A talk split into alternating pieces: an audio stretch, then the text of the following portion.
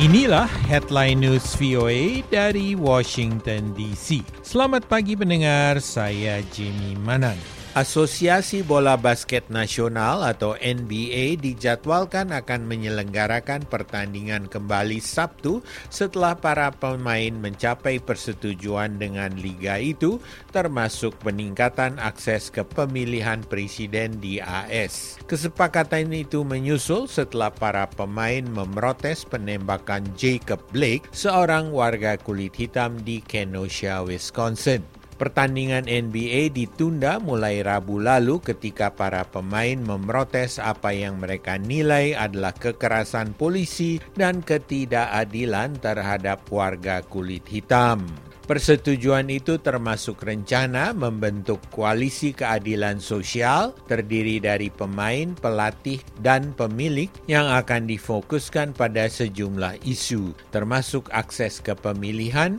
dan advokasi bagi reformasi polisi dan pengadilan kejahatan. Para dokter Jerman yang merawat pemimpin oposisi Rusia Alexei Navalny yang diduga keracunan mengatakan pembangkang itu masih dalam koma tetapi kondisinya stabil dan gejalanya berkurang.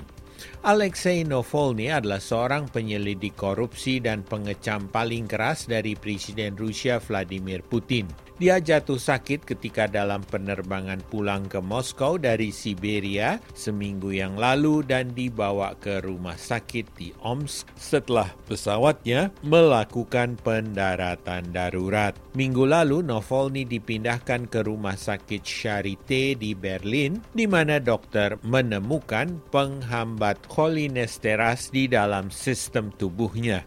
Pihak rumah sakit Jumat mengatakan ada penyembuhan dari gejala-gejalanya. Jerman minta agar Rusia menyelidiki kasus ini. Reuters melaporkan Komite Luar Negeri DPR AS mengumumkan rencana sidang tuduhan penghinaan oleh Menlu Mike Pompeo pada Jumat. Mereka mengacu pada penolakannya untuk patuh pada Sapina yang menuntut penyerahan catatan tentang penggunaan sumber daya Deplu. Mereka menyebutnya sebagai penyalahgunaan politik yang transparan. Ketua komite ini, Demokrat Elliot Engel, juga mengutip pidato Pompeo dari Yerusalem di hadapan Konvensi Nasional Republik. Katanya dia memperlihatkan ketidakpeduliannya terhadap hukum dan aturan tentang perilaku dan mekanisme konstitusi yang mencegah korupsi di pemerintahan. Komite ini bulan lalu menerbitkan sebuah sapina terhadap Pompeo yang menuntut penyerahan dokumen yang dia berikan kepada anggota Republik di Senat tentang penyelidikan terhadap kandidat Presiden Joe Biden. Pemerintah Inggris Jumat mengumumkan rencananya untuk mempercepat pengadaan vaksin COVID-19 sehingga memungkinkan penggunaan darurat pengobatan itu sebelum proses lisensi resminya dilalui. Tetapi vaksin itu tetap harus memenuhi standar keselamatan dan kualitas tertentu. Langkah itu perlu karena selama periode peralihan vaksin COVID-19 yang baru dan berpotensi hanya akan diberi lisensi setelah dikaji terlebih dahulu oleh Badan Obat-obatan Eropa. Sebuah proses yang bisa berlangsung selama berbulan-bulan. Inggris mengalami korban kematian COVID-19 terburuk dari semua negara Eropa.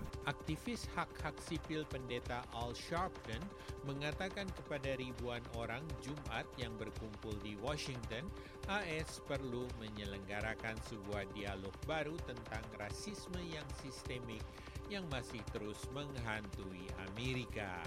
Sebuah protes berlangsung di Washington menuntut pengakhiran kebrutalan polisi dan reformasi keadilan kejahatan di AS. Unjuk rasa ini bersamaan dengan peringatan ke-57 dari March on Washington yang dipimpin oleh pendeta Martin Luther King dan pidato bersejarahnya I Have a Dream. Sekian headline news VOA.